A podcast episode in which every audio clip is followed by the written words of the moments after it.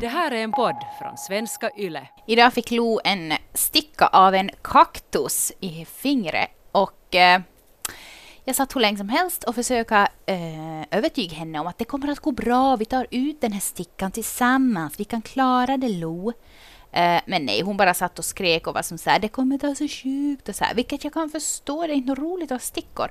Men alltså till slut, jag bara, vad va, va ska du ha för att du ska låta mig ta ut den här stickan nu?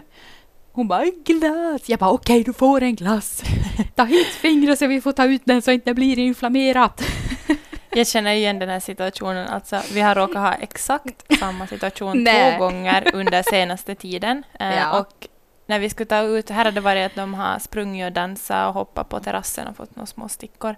Ja. Och för, alltså, skulle vi ta ut den här stickan då, det, här, det blir ju som en teater nästan. Och jag ens hade liksom, eller jag eller Jim hade ens fått ta i liksom och röra med pincetten på Almas fot så bara Aj! Och då bara, du får en glass, vi tar en glass, vi får köpa en glass om du klarar det här. Så man, det är ju inte som så här proudest moment som förälder, men man tar ju till mutor. Alltså man tar ja, ju. Ja.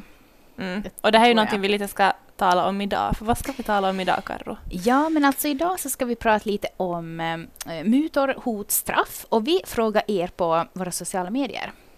Um, vad era utmaningar i föräldraskapet är just nu, där det ingår hu, hot och mutor och straff och allt.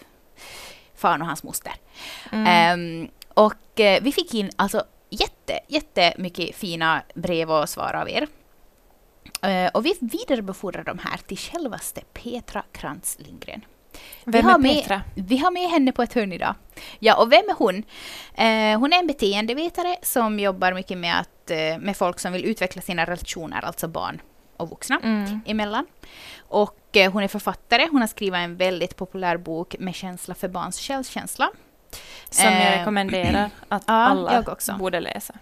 Mm. Och hon har också en grundutbildning i psykologi, samtal och kommunikation. Och vi har ju båda eh, läst jättemycket av henne. Mm.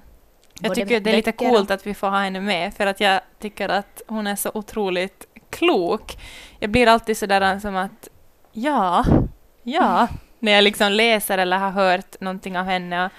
Och ja, så därför kände vi liksom att om hon bara kan vara med så, så skulle det vara som jättefint att få ha henne med och svara på era frågor. Mm, precis. Eh, vi vidarebefordrar några av era eh, brev och hon valde ut tre stycken som hon helt enkelt idag har skickat in eh, alltså röstmeddelanden. Så vi kommer att få höra henne här i podden förklara mm. och berätta hur hon tänker. Och de här tre och, frågorna är ju ganska så här... Alltså jag tror alla ni som lyssnar kan känna igen er i någonting. Eller typ säkert i alla av de här frågorna. Men mm. de känns väldigt som så här väldigt aktuella när man har små barn. Mm, verkligen.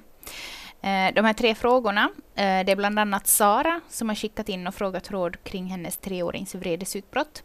Och vi kommer också att höra om en lyssnares vädjan om hur man handskas med syskonbråk. Någonting som är väldigt aktuellt för oss båda, visst mm. Rebecka? Mm. Ja.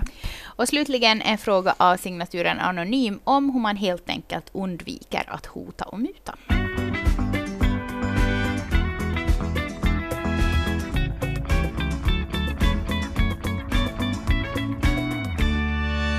Men ska Men, vi köra igång direkt, hörru? Ja, vi gör det. Vi kör igång. Signaturen Sara skriver så här. Vi har enorma utmaningar med vår snart tre år gamla dotter. Allting är fel och inget är rätt. Allt smått blir stort för henne. Hon får enorma vredesutbrott och trots att vi försöker hålla oss lugna känns det som att alla antingen till slut sliter sitt hår eller ger med sig för att ingen orkar ta de här konflikterna.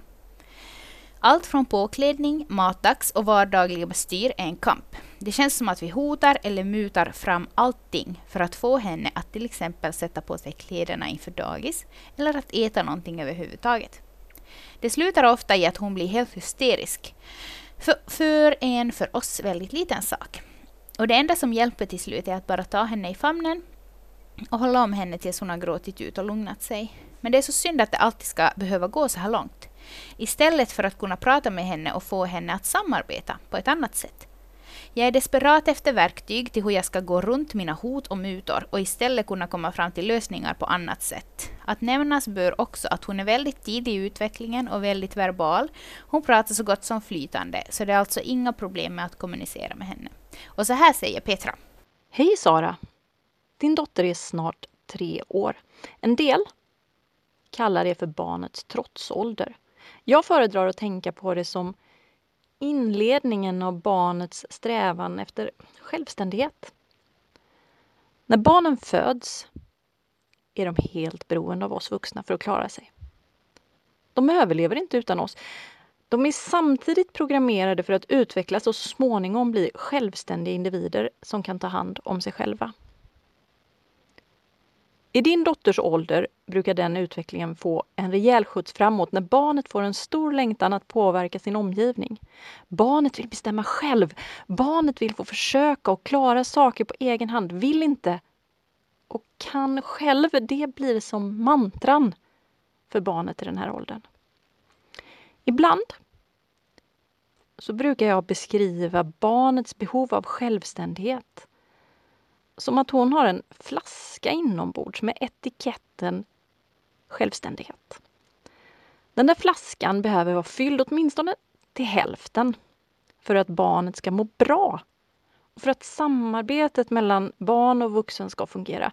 Och varje gång vi begär av barnet att hon ska göra något som hon inte vill så är det som att vi häller ut lite ur den där flaskan. Och om nivån sjunker under en kritisk nivå, då börjar barnet må dåligt. Och börjar då också instinktivt försöka få flaskan att bli påfylld på alla sätt som går. Sitt inte där. Du får inte byta blöja på lilla syster. Du ska inte krama pappa. Jag tänker inte alls tvätta händerna. Jag vägrar sätta på mig overallen. För att fortsätta på metaforen med flaskan så finns det två saker en förälder bör tänka på.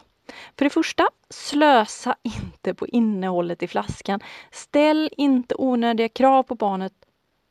Bestäm inte mer än som är nödvändigt för att få vardagslivet att fungera för hela familjen.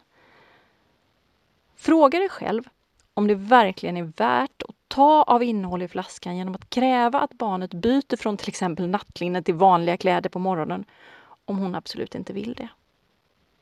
Eller är det, eller är det kanske smartare att bara packa ner kläderna i en påse och ta med dem till förskolan? För det andra, se till att flaskan alltid är ordentligt påfylld. Det hjälper barnet att må bra och utvecklas till en självständig, till en självständig individ. Och det gör det lättare att använda lite av innehållet då och då. Till exempel att säga åt barnet att spänna fast säkerhetsbältet i, att spänna fast säkerhetsbältet i bilen utan att det orsakar en katastrof. Här är nu fem förslag på hur vi föräldrar kan hjälpa barnet att få påfyllt i självständighetsflaskan.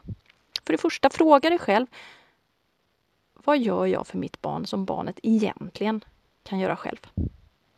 Smöra smörgåsen, sätta på skorna, tvätta händerna, Lämna i så fall över ansvaret till barnet. Vet du? Jag har kommit på att jag smörar din smörgås fastän du säkert både vill och kan göra det själv. Förlåt mig älskling. Här är mackan och smöret så du kan fixa själv. Den andra frågan du kan ställa dig den är vad bestämmer jag för mitt barn som barnet egentligen kan bestämma över själv? Vilka kläder hon ska ha? Att hon behöver mössa och vantar när det är kallt ute. Det märker hon säkert själv om du ger henne chansen. Ta med dem i en påse. Och när hon vill ha dem, undvik då frestelsen att säga Vad var det jag sa? Fundera, för det tredje, över hur du uttrycker dig. Ger du uttryck för misstro till ditt barns förmågor. Det gör vi föräldrar till exempel när vi säger sånt som ta det försiktigt, akta, det går inte, det är svårt, det klarar du inte. Låt istället barnet försöka. Om det inte fungerar så kan ni tillsammans beklaga er över sakernas tillstånd. Attans att det där låset är så trögt. För det fjärde, visa tilltro till barnets förmåga genom att ge barnet utmaningar och förtroendefulla uppdrag. Kan du hämta en stor sked i lådan? Når du? Kan du hjälpa mig att öppna dörren? Åh, jag glömde flingorna. Vet du var de finns? Klarar du att hämta dem själv, tror du? För det femte. Finns det något som ditt barn skulle tycka om att lära sig? Här kan man med fördel fråga barnet, finns det något som du inte kan, som du skulle vilja lära dig? Baka, vattna blommorna i trädgården. Hjälp barnet att lära sig det. Och säger hon något som är jättesvårt, typ åka till rymden, ta ändå det på allvar och bryt ner det i genomförbara steg. Där det första steget kanske är att gå till biblioteket och låna en bok om rymden. Så genom att se till att barnet har en vettig nivå i sin självständighetsflaska så kan man förebygga många av de vardagliga konflikterna. Det blir helt enkelt lättare för barnet att acceptera att föräldrarna bestämmer vissa saker om hon upplever att hon är självständig, fri och kompetent i en massa andra avseenden än om hon inte upplever det. Sen är det förstås så att det kommer att bli gråt och upprörda känslor hos barnet ibland. Även om man som förälder varit jättebra på att inte hälla ur flaskan i onödan och på att fylla på den.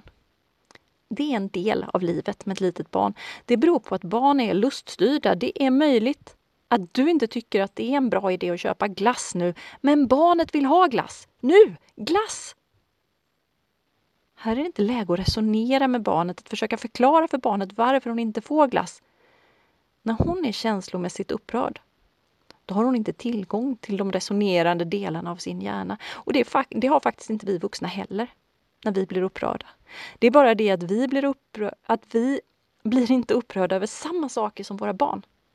Det som är stort för barnen är smått för oss och tvärtom. Så förklaringar i det här läget, de är i bästa fall onödiga. I sämsta fall så gör de faktiskt bara situationen ännu mer upprörd. Det barnet istället behöver är förståelse. Förståelse för hur gärna hon vill ha glass, förståelse för hur gott det är med glass, förståelse för hur hemskt det känns för henne att hon inte får glass. Du var så himla sugen på glass nu, eller hur? Det är så gott. Jag fattar att du blir ledsen älskling när jag säger att du inte får det. Hon kommer att fortsätta vara ledsen en stund, vilket är helt naturligt när man sörjer något som man inte kan få. Men känslorna de kommer att lägga sig mycket fortare än om den vuxne säger men du kan inte få glass nu. Vi ska ju äta middag snart. Nej, har jag sagt. För barnet så verkar det som att den vuxne inte fattar, inte vill fatta. Och vad gör man när någon inte fattar? Man förklarar mer. I barnets fall så betyder det att hon skriker mer och högre ha glass! Och den vuxne svarar inte sällan med att bli ännu tydligare. Vilket för barnet låter förvillande likt ilska. Det blir ingen glass, har jag sagt. Och så fortsätter det och konflikten trappas upp istället för ner. Du skriver Sara att allt smått blir stort för din dotter och att ni föräldrar antingen sliter ert hår eller inte orkar ta konflikterna. Jag vet förstås inte, men jag anar att det kan bero på att ni hamnar i den här typen av lägen som jag just har beskrivit. När ni försöker förklara och vara tydliga för ett barn som inte är mottagligt för det. Du skriver att hon är verbal och då är det ganska vanligt att man överskattar barnets förmåga att ta till sig logiska resonemang i upprörda situationer. Så mitt tips när du hamnar i de här lägena, att du bestämmer något och ditt barn blir upprörd över det, det är att stå fast i beslutet och samtidigt visa förståelse för hennes känsla. Jag fattar att du blir besviken att du inte får pizza till middag. Det är så himla gott med pizza. Du är jättearg för att vi ska gå hem från lekplatsen nu. Vet du, det kan jag haja. Jag blir också arg när jag måste sluta med grejer som jag tycker är roliga. Barn, de kan inte alltid få sin vilja fram och barn, de bör inte alltid få sin vilja fram. Mitt råd är att vi ändå alltid försöker låta barnen få sin känsla fram. Mm. Mm. Vad säger du Karro? Kände du igen någonting eller fick du någon, vad heter det, tanke som väcktes? Jag känner ju att uh, Sara fick ett väldigt, väldigt fint och bra svar av Petra. Mm. Um, det här med flaskan, um, det har jag uh, tänkt jättemycket på. Vi försöker också tänka på det här i vårt föräldraskap. Vi har på vårt kylskåp um, skriva en liten sån här eh, påminnelselapp åt oss i vardagen. Och där står det bland annat fem gånger mer kärlek än... Alltså det står bara fem gånger mer kärlek. Mm. Och då, då är alltså saken den att, att om man, om man eh, tjatar, eh, påpekar, säger någonting åt några barnen en gång så måste man fem gånger säga någonting bra. Mm. Eh, och det var faktiskt häromkvällen så, så stod vi efter en lång, lång nattning i köket och bara såg på varandra och såg på den här lappen och jag bara, ja det var ju det här med fem gånger mer kärlek. Och Robert bara, mm. Robert bara ja. Ja, ja vi, vi misslyckades idag. Vi gör det imorgon. Men ja, alltså, och, ja. ja, säg bara. Ja. Nej, jag kände igen det där när hon, Sara också skrev att deras dotter är liksom, att hon är väldigt verbal redan. Eh, och det som hon också sa, Petra, att man lätt liksom övers, vad heter det? Ja, överskattar mm. deras förmåga att ta in saker. Ja. Eh, och det kan jag känna igen med, med vår mellantjej här hemma, att hon, hon också hon är så klok, liksom. eller det känns som att hon är så klok och pratar så bra och flytande och det har gjort så länge. Så jag kan emellanåt märka som att jag, jag glömmer bort att hon är inte lika gammal som sin stora syster. Mm. Att det blir lätt kanske också, jag har mycket av det hon säger, så tänk, försöker jag tänka på hela tiden, men när man hamnar i en situation var det man har tre barn, den ena är trött, den är hungrig, det blir som olika situationer, så, så är de i olika skeden också. Den här ena är kanske i den här treårsåldern och vill göra allt själv, medan stora syster vill hjälpa till, men treåringen vill inte att hon ska hjälpa till. Eh, att det lätt blir på något sätt att man då glömmer de här sakerna och bara gör det som är snabbast. Mm, mm. Så, men jätte, jättebra på mig. Jag tycker hon var, sa också så många så konkreta saker som mm. man känner igen. Mm. Och att det, det, känns som att det är ett tankesätt som man måste få in. Och det tar en tid ja, att switcha nej, om. Mm, just det där med att man ska försöka ha förståelse för barnet och um, alltså beakta barnets känsla. Alltså, um, sen, sen, jag började med, göra det när Lova kanske ja, men runt ett, ett och ett halvt. Hon var ju också jätteverbal. Hon pratade ju flytande då hon var ett och ett halvt. Mm. Um, så det här, sen det har jag liksom försökt anamma det i mitt föräldraskap och det är ju som så det, alltså det, är så, det är så bra, för vi har egentligen mm. aldrig något sånt till exempel om vi ska fara hem från någons. Um, och de bara, nej men jag vill inte ännu fara hem. Så då säger jag inte bara så här, men nu ska vi fara hem, nu kommer ni, att jag, jag far iväg nu, att mamma far.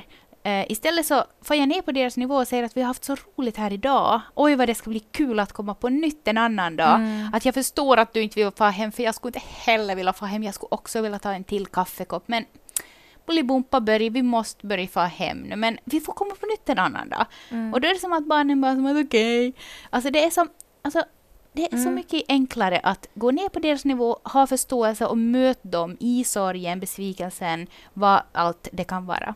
Mm, och just det där att bekräfta det de mm. känner. Och, och, det kan jag märka att, att det har kommit fram också saker, när de kanske inte alltid vet själva vad de känner, utan det, det är någonting i kroppen som känns på ett visst sätt. Liksom, att nu är det, mm. Så sen om man kan som, fråga, känner du så här? Så kanske, nej, men känner du så här? Och då kan de också hitta den där känslan, mm. liksom, att ja, mm. så där var det. Liksom. Ja, precis. Men nu måste vi, vi måste ta nästa fråga. Hör du. Yes. Signaturen Trött på grelen skriver så här. Vi har tre barn, en sexåring, en fyraåring och en ettåring. De två äldre leker ofta bra, men lika ofta är de i luven på varandra. De provocerar varandra, de retar varandra, river ur varandras händer, de slår och sparkar. Min fråga är, hur mycket ska man som förälder lägga sig i deras konflikter? Jag har försökt lägga mig i. Jag har försökt förklara lugnt att det inte är roligt om man slåss. Jag har varit arg och jag har avbrutit slagsmål med höjd röst. Jag har hotat dem. Till exempel, om ni inte slutar slå varandra nu så får ni gå in i era rum och lugna ner er på varsitt håll. Nu senast försökte jag sitta ner och diskutera och lägga fram alternativ. Ska vi 1. Helt enkelt sluta slåss. Den som slåss, trots regeln, får gå in på sitt rum. Eller B. Komma överens om att de får slå och puckla på varandra hur mycket de vill, men att jag lägger mig inte i något mer. Jag orkar inte med de här grälen något mer. Jag bevar inför att lilla syster på ett år ska bli lite äldre och att de börjar gå på henne också. Hjälp mig. Och så här svarar Petra. Ja, syskonbråk, det är verkligen något som går under skinnet på oss föräldrar. Vi älskar ju våra barn. Och det kan göra så ont när de slåss och säger elaka saker till varandra. Hur mycket ska jag lägga mig i? undrar mejlskrivaren. Mitt svar är att det beror på. Det beror för det första på vad du vill uppnå. Är det att barnen inte ska bråka som är ditt mål? Eller att barnen ska lära sig att hantera konflikter på ett konstruktivt sätt? Ibland så kan det i stunden kännas som att det är det första man vill. Men när man tänker efter så är det oftast en konstruktiv konfliktlösning som man vill att barnen ska lära sig. Så när jag svarar nu så utgår jag från att det också är vad mejlskrivaren vill. Mitt svar beror också för det andra på vilken sorts syskonkonflikter det handlar om. Jag brukar sortera in dem i två huvudkategorier. Den första typen av konflikter är de som jag kallar verkliga konflikter. När barnen är oeniga om något. De vill se på olika filmer, ha samma leksak, leka i olika lekar. Konflikter går inte sällan över i handgemäng och fula ord. Det är helt naturligt. Barn har ännu inte lärt sig att lösa konflikter på konstruktiva sätt. I den här typen av situationer finns det vissa saker föräldrar ofta gör men som jag menar att man bör undvika. Det första är att man går in och försöker reda ut vem som gjorde vad mot vem. En sorts brottsplatsutredning och därefter meddela domslut. Nu bestämmer jag att ingen får ha bollen. Det här lär inte barn att lösa konflikter själva, tvärtom. Det är, ganska, det är ett ganska säkert sätt att långsiktigt bygga in sig själv som förälder i barnens konfliktlösning. Det andra det är att reagera känslomässigt på syskonskvaller. Men sa han så? Det får han ju verkligen inte göra. Den här typen av reaktioner från en förälder leder nästan alltid till mer skvaller. Och det leder inte till att barnen lär sig hantera sina egna konflikter. Istället så kan du ställa frågor till barnet och lyssna. Jaha, vad tänkte du när han sa så? Hur ska du göra nu då? Det tredje man bör undvika det är att undervisa barnen om hur man gör och vad som är okej och inte okej. Ärligt talat, barnen vet redan detta, eller hur? Du har sagt det förr. Så om du inte tror att barnen saknar information om hur de borde göra så ödslar du tid på meningslösheter. Gå vidare. Vad ska man göra istället då? När barnen har den här typen av verkliga konflikter. Det första jag brukar tipsa om det är att låta barnen öva på konfliktlösning på egen hand. De lär sig massor på det. Ha lite is i magen. Alla konflikter övergår inte i handgripligheter. Och kanske kan en knuff också vara okej. Det finns ett lärande i det också. Men om jag inte ingriper är det ju som att jag godkänner deras beteenden. Mitt svar är att man måste faktiskt inte se och höra allt. Gå på toa. Stick huvudet lite längre in under spisfläkten. Försjunk ytterligare i din bok. Men ska man inte lära barnen att det är fel att slåss och kalla någon för jävla pucko? Jo, självklart. Och jag tänker att det finns flera olika sätt att lära sig det på. Ett av dem är att man gör just det, det vill säga slåss och kalla någon för jävla pucko och upplever de negativa konsekvenserna av att göra det. Ett annat sätt att lära sig, det är att titta på hur föräldrarna gör med varandra. Men också med syskonen. Hur pratar pappa när han har en konflikt med storebror? Hur gör mamma?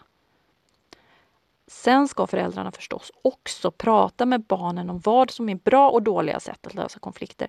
Men det finns ett tillfälle när det är meningslöst att göra just det. Och det är mitt i konflikten. För då är barnen inte mottagliga för den sortens information. andra jag brukar tipsa om, det är att agera medlare mellan barnen. Medlare, inte domare. En medlare hjälper båda parter att lyssna på varandra och komma fram till lösningar som är accepterade av båda. Om man väljer det förhållningssättet går man till barnen som bråkar och frågar lugnt om de behöver hjälp. Ni verkar ha ett bråk. Behöver ni hjälp? Sen lyssnar man först på det ena barnet och sen på det andra. Vad var det som hände? Jag var på mitt rum och hon, jag var på mitt rum och hon får inte vara där. Han tog mitt tåg och jag lekte med det. Aha, Så har jag fattat rätt att du Elias, du vill vara i fred på ditt rum och du Maria, du vill ha ditt tåg i fred. Hur kan ni göra nu så att det blir bra för båda? Det här förhållningssättet från din sida kommer inte att innebära att alla bråk upphör. Barnen kommer att ha nya grejer att bråka om snart igen. Det är en naturlig del av syskonskapet. Men om du hjälper dem att lyssna på varandra och resonera sig fram till lösningar som funkar för båda, så kommer de så småningom att vara ordentligt skillade i att lösa konflikter med respekt för både sig själv och den andra personen. Och det är ändå rätt fint, tänker jag. Så långt om de verkliga konflikterna mellan syskon. Den andra formen av syskonbråk handlar om att barnen har behov av något annat och att bråken de blir till strategier för att uppnå detta andra. Det kan till exempel handla om att ett eller båda barnen längtar efter kontakt med dig som förälder. Jag hörde en klok kvinna säga en gång att syskon använder varandra som fjärrkontroller till föräldrarna och i många familjer så ligger det här ganska nära sanningen. För trycker man på ett syskon så kommer en förälder springande med en gång. Syskonbråk kan också handla om att ett eller båda barnen har behov av att uppleva större självständighet i sina liv. Att vara mer självbestämmande och känna sig kompetent. Ett sätt att försöka uppnå det kan vara att styra över sitt syskon. Du får inte, jag bestämmer, du kan ingenting, jag är bättre än du. Så ytterligare ett tips när det gäller syskonbråk det är att fundera över om det kan ligga andra behov bakom barnens beteenden. Försök se mönster och var uppmärksam när syskonbråken uppstår. Klassiskt är till exempel att det blir bråk och konflikter när man just kommit hem från förskolan. Då är barnen trötta och de längtar efter närhet och kontakt och samtidigt så vill föräldern få maten på bordet så fort som möjligt. Om man ser den här typen av mönster så kan det vara klokt att avsätta tid för närhet, samtal, mys, lek innan man drar igång hushållsarbetet. Ge en banan på vägen hem och strunta i klädhögarna och matlagningen en stund när ni kommer in och ta en halvtimme för att liksom logga in med varandra. Chansen är så mycket större att det kommer att råda harmoni i hemmet när du sedan börjar med matlagningen. Om man istället anar att bråken beror på att ett eller båda barnen har behov av att känna sig självständiga och kompetenta, ja, är det, då är det de behoven man behöver hjälpa barnen att få tillgodosedda. Och här tipsar jag dig om att gå tillbaka och lyssna på svaret som jag gav till Sara i föregående fråga, för den frågan handlade just om barnets självständighetsutveckling. Så för att sammanfatta mina tips angående syskonbråk. För det första, börja med att fundera över varför bråken uppstår. Vad ligger bakom? Om du tror att det finns ett underliggande behov som till exempel kontakt eller självständighet så kan du försöka förebygga att bråken uppstår genom att hjälpa barnen att få de här behoven tillgodosedda på andra och mer konstruktiva sätt än genom att bråka. För det andra, om målet är att barnen ska lära sig hantera konflikter på ett konstruktivt sätt, då är det bra att låta dem öva. Gå inte in och lös konflikterna åt barnen. Om de behöver hjälp, sikta på rollen som medlare i konflikten. Ja, jag känner igen mig. Det var roligt när hon sa det här medlare, eh, för att jag brukar ofta kalla det som fredsmedlare eller vad det nu kallas. för att det känns ofta så eh, att ja, ja, ja, ja. Jag tycker hon var så, det var så många bra saker där som jag, jag kom att tänka på. Ja, alltså jag började typ gråta, ja. Ja. Speciellt alltså, alltså den här saken när eh, hon också sa det här att eh, typ när man kommer hem då, vi, de har ju inte ännu börjat på dagis, men i andra situationer att på något mm. sätt fylla deras, som hon använder flaskan, den här flaskan som en metafor, mm. men som vi har märkt att i situationer när det blir, när det uppstår mycket bråk mellan dem, så är det alltid, det är alltid någon orsak där bakom. Mm. Det är mm. liksom, och, och för oss har det varit, märker vi direkt liksom att, eh, att eh, använder vi det här som vi kallar tumistid, att de får egen tid och välja vad de ska göra med ena föräldern. Eh, och som fyller på det som de behöver. Om det då är just närhet eller det att få göra någonting som de själv får bestämma eller så här. Så det, alltså det ger direkt resultat i hur de är också tillsammans. För att jag tror också det handlar, som hon sa det här, att eh, att få uppmärksamhet via det och att föräldrar, liksom få föräldern närvarande via det. Så det, det, det, kan jag verkligen tro att stämmer. Att man, ja, precis som hon sa. Ja. Ja, verkligen. Det här en, eh, Ja, jag blir, jag blir som sådär, alltså jag försöker att alltid eh, vara så här medlare och, och så här, men det som sen vi fick tredje barnet så har den här mm. mell mellanbarnet blivit som så och jag vet ju att det är på grund av att mm. hon inte får det där som hon fick förr. Jag vet ju att det är därför mm. som hon liksom utåt, att hon tar som, herregud. Det är hennes reaktion på allt som har hänt. Och, men precis som du sa, så du vet ju det. Och vi har ju, vi har ju haft lite samma, samma sorts vad heter det, reaktion hos vår mellantjej. Eh, och fast man, fast man vet det, men man känner ju också att man inte räcker till i alla stunder. Och det är ju mm. det som är mm. så jäkla svårt. Och det är som så hemskt också att liksom storsyrran då ska måste som ta, mm. ta så mycket så att säga liksom pucklar och bli alltså att hon provocerar henne och håller på. Jag vet ju att det är liksom för att hon känner att hon inte har fått tillräckligt närhet av mig eller av hennes pappa och eh, det är ju bara vi som har misslyckats i att liksom hit den där tiden och ja, att bara som ge det hon behöver. Mm. Så, alltså, åh, man känner sig så jävla skit.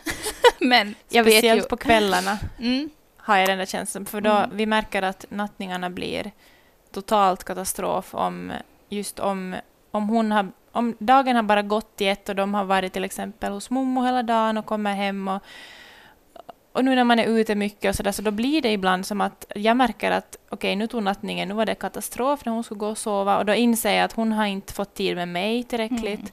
Hon har inte fått sitta i min famn och då känner man sig så jävla värdelös för att det är den lättaste saken att ge henne. Mm. Och så har man glömt det. Mm. Ja. Vi går raskt vidare. Ja. Torkar tårarna och går vidare. Drar upp snorren. Signatur anonym skriver så här. Hur ändrar man sitt eget föräldrabeteende till att sluta använda små mutor eller hot? Jag vill inte göra det och jag försöker kommunicera på ett mer konstruktivt sätt. Men sen kommer de här situationerna när alla är trötta och gnälliga och då slinker det in. Så hur undviker man det? Och så här svarar Petra. Du är inte ensam. När vi är trötta, då är det lätt hänt att vi tar till de snabba invanda knepen som vi vet brukar funka i stunden. Problemet är just det att de funkar i stunden men inte funkar alls lika bra i det längre perspektivet. I det längre perspektivet vill de flesta föräldrar att barnen ska lära sig att agera utifrån medkänsla med och omtanke om andra människor. Hot och mutor hjälper inte barn att utvecklas i den riktningen. Istället väcker det barnets rädsla. Rädsla för att gå miste om en belöning eller rädsla för att få ett straff. Hot och mutor flyttar också barnets fokus från den andra personens behov till de egna behoven från vad är det som är viktigt för den andra personen och hur kan jag bidra till det? Till vad händer med mig om jag gör som hon vill? Och vad händer med mig om jag inte gör som hon vill? Det finns gott om forskning som i detalj visar att både föräldrars och lärares hot och mutor har negativa effekter på barns prestationer, på deras mående och självkänsla. Den som vill veta mer rekommenderar jag att besöka sajten selfdeterminationtheory.org. Där finns det gott om länkar till forskningsartiklar och böcker. Det främsta problemet med att använda hot och mutor för att få ett barn att ändra på sitt beteende, det tycker jag är att man helt bortser från barnets behov. Om jag till exempel lovar mitt barn en guldstjärna för varje kväll som hon ligger kvar i sängen istället för att komma upp efter nattningen, så kommer det kanske innebära att hon gör det, ligger kvar i sängen. Men jag får ingen kunskap om varför hon kommer upp. Nattar jag för tidigt? Innan hon är trött? Har hon behov av gemenskap och närhet? Är hon rädd och har behov av trygghet? Genom att ge henne en belöning för att ligga kvar i sängen så köper jag hennes anpassning till mina behov utan att få kunskap om eller ta hänsyn till hennes behov. Så till frågan i mejlet. Hur kan man göra istället för att hota och muta? Det första och det absolut viktigaste det är att försöka förstå varför barnet gör som hon gör. Vilket behov som ligger bakom och motiverar barnets beteende. Om vi går tillbaka till nattningsexemplet. För att komma till rätta med problemet att barnet springer ur sängen varje kväll så behöver jag börja med att försöka förstå vad det är som är viktigt för barnet. Därefter blir nästa steg att fundera över hur jag kan hjälpa barnet att få sitt behov tillgodosett på ett annat sätt. Ett sätt som funkar för både barnet och mig som vuxen. Om jag tror att barnet inte är trött vid den tid jag försöker natta, då behöver jag kanske natta lite senare eller väcka tidigare på morgonen. Om jag tror att barnet kommer upp för att hon längtar efter gemenskap och närhet, då behöver jag kanske se till, eller då behöver jag se till att det behovet blir ordentligt tillgodosett innan det är dags att gå och sova. Kanske se över nattningsrutinen och planera in ordentligt med mys och närhet innan det är dags att gå och sova. Om jag tror att det handlar om att barnet inte är trygg, då behöver jag hjälpa henne med det. Kan det hjälpa att ha en lampa tänd eller ett gosedjur som vaktar vid dörren? Detta, att förstå varför problemen uppkommer och att förebygga att det händer igen, det är det absolut viktigaste i föräldraskapet. Jag brukar säga att 90 procent av arbetet för en smidig vardag ligger här. Just i att försöka förstå varför ett problem har uppstått och förebygga för att det inte ska uppstå igen. Genom att själv agera annorlunda nästa gång. Ytterligare en viktig del i lösningen av konflikter med lite äldre barn det handlar förstås också om att samtala med dem. Och här vill jag understryka att jag använder ordet samtala. Ett samtal har två delar, att prata och att lyssna. Jag behöver berätta om det som är viktigt för mig och jag behöver lyssna på vad som är viktigt för mitt barn. Här är det viktigt att tänka på att välja en tidpunkt för samtalet när det råder harmoni och det inte finns någon tidspress. Sen kan jag börja med att fråga barnet, du, de sista kvällarna så har du gått upp i säng, ur sängen flera gånger efter nattningen. Jag vill gärna förstå. Vad är det som har varit viktigt för dig som har gjort att du har kommit upp? Jag kan inte låta bli att tänka att det finns ett monster någonstans i rummet. Aha, så du känner dig rädd och vill vara mer tryggare så? Ja, så är det. Sen berättar jag vad som är viktigt för mig. För mig är det så att jag är trött på kvällen och det är viktigt för mig att vila. Och när du vill att jag ska komma till ditt rum flera gånger på kvällen, då blir det svårt för mig att vila. Därefter så ställer jag frågan till barnet, har du något förslag på hur vi kan göra ikväll? Så att det blir bra för både dig och mig. Den här frågan den är ofta förlösande genom att den signalerar att föräldern vill ta både det egna och barnets behov på allvar. Och under förutsättning, och det här är en viktig förutsättning, att man har en relation präglad av ömsesidig respekt och samarbete med barnet så kommer barnet inte att säga jag struntar väl i dina behov.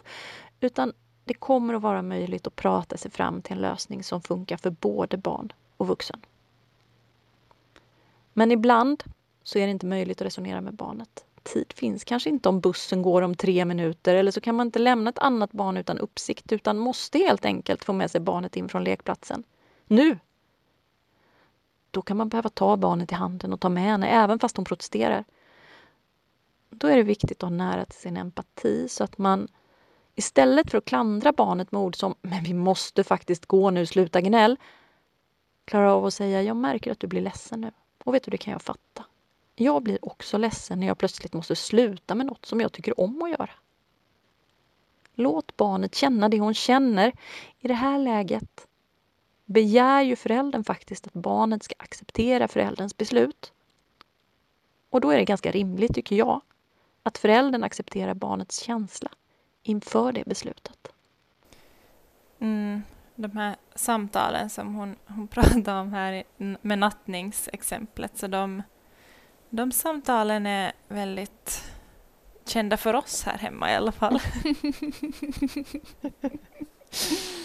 ja. ja. Mm. Äh, mm. Tiden rinner iväg för oss, men vad tar du med ja. dig, Rebecka, från det här avsnittet?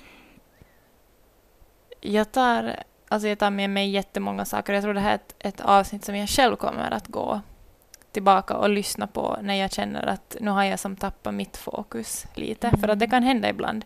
Ibland så tycker jag att jag är jättebra på att liksom få in det här flowet, hur, hur, hur, att det liksom blir ett flow i det. Men sen ibland om det har varit just nu som det kanske har varit en ganska skakig period när, när tredje barnet har kommit och det, man är själv med tre barn och så här.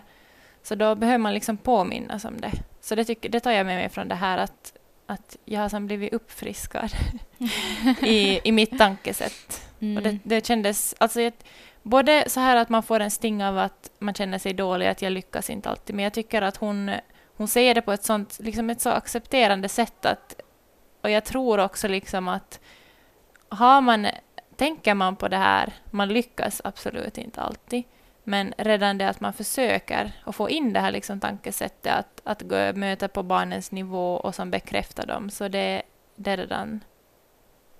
Då har man kommit halvvägs. Ja, absolut. Mm, men jag känner likadant. Um, just det här med att, att jag försöker också, jag är ju bekant med det här, allting som hon säger, men att jag lyckas ju mm. inte alltid. Men ja, då känns det också som på något sätt så hårt då man vet i slutet av dagen att jag inte har lyckats. Då, ja, ja man börjar som... Ja. Nej, men jag tror att alla känner igen den känslan ja. när man ligger på kvällen och bara... Varför? Och så man skulle bara vilja väcka dem sen när de har somnat. Bara, nu, nu, nu vill jag prata, nu vill jag som att allt ska bli bra, nu vill jag ge närhet som jag inte hann med på dagen. Exakt.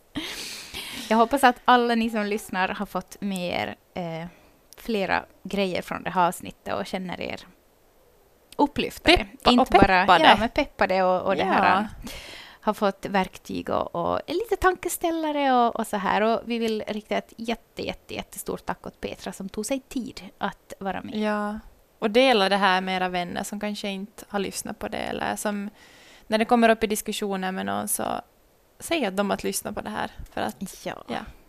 Här finns det mycket bra att hämta. Ha det så bra så hörs vi nästa vecka. Jag tänkte om jag skulle säga vad vi skulle ha med nästa vecka. Jaha. jag, kan, Japp, du jag får säga. Jag vet inte vad vi ska ha men du får säga. nästa vecka så ska vi prata om förbjudna känslor. Som mm. Eh, det man undviker att prata om som förälder. Känslor som man kanske ryggar tillbaks från och sina egna trauman som förälder mm. och när man möter dem i samband med sina egna barn. Mm. Det här ska vi prata om nästa vecka. Vi hoppas att vi hörs igen då. Ja. Ha en fin vecka. Hej då!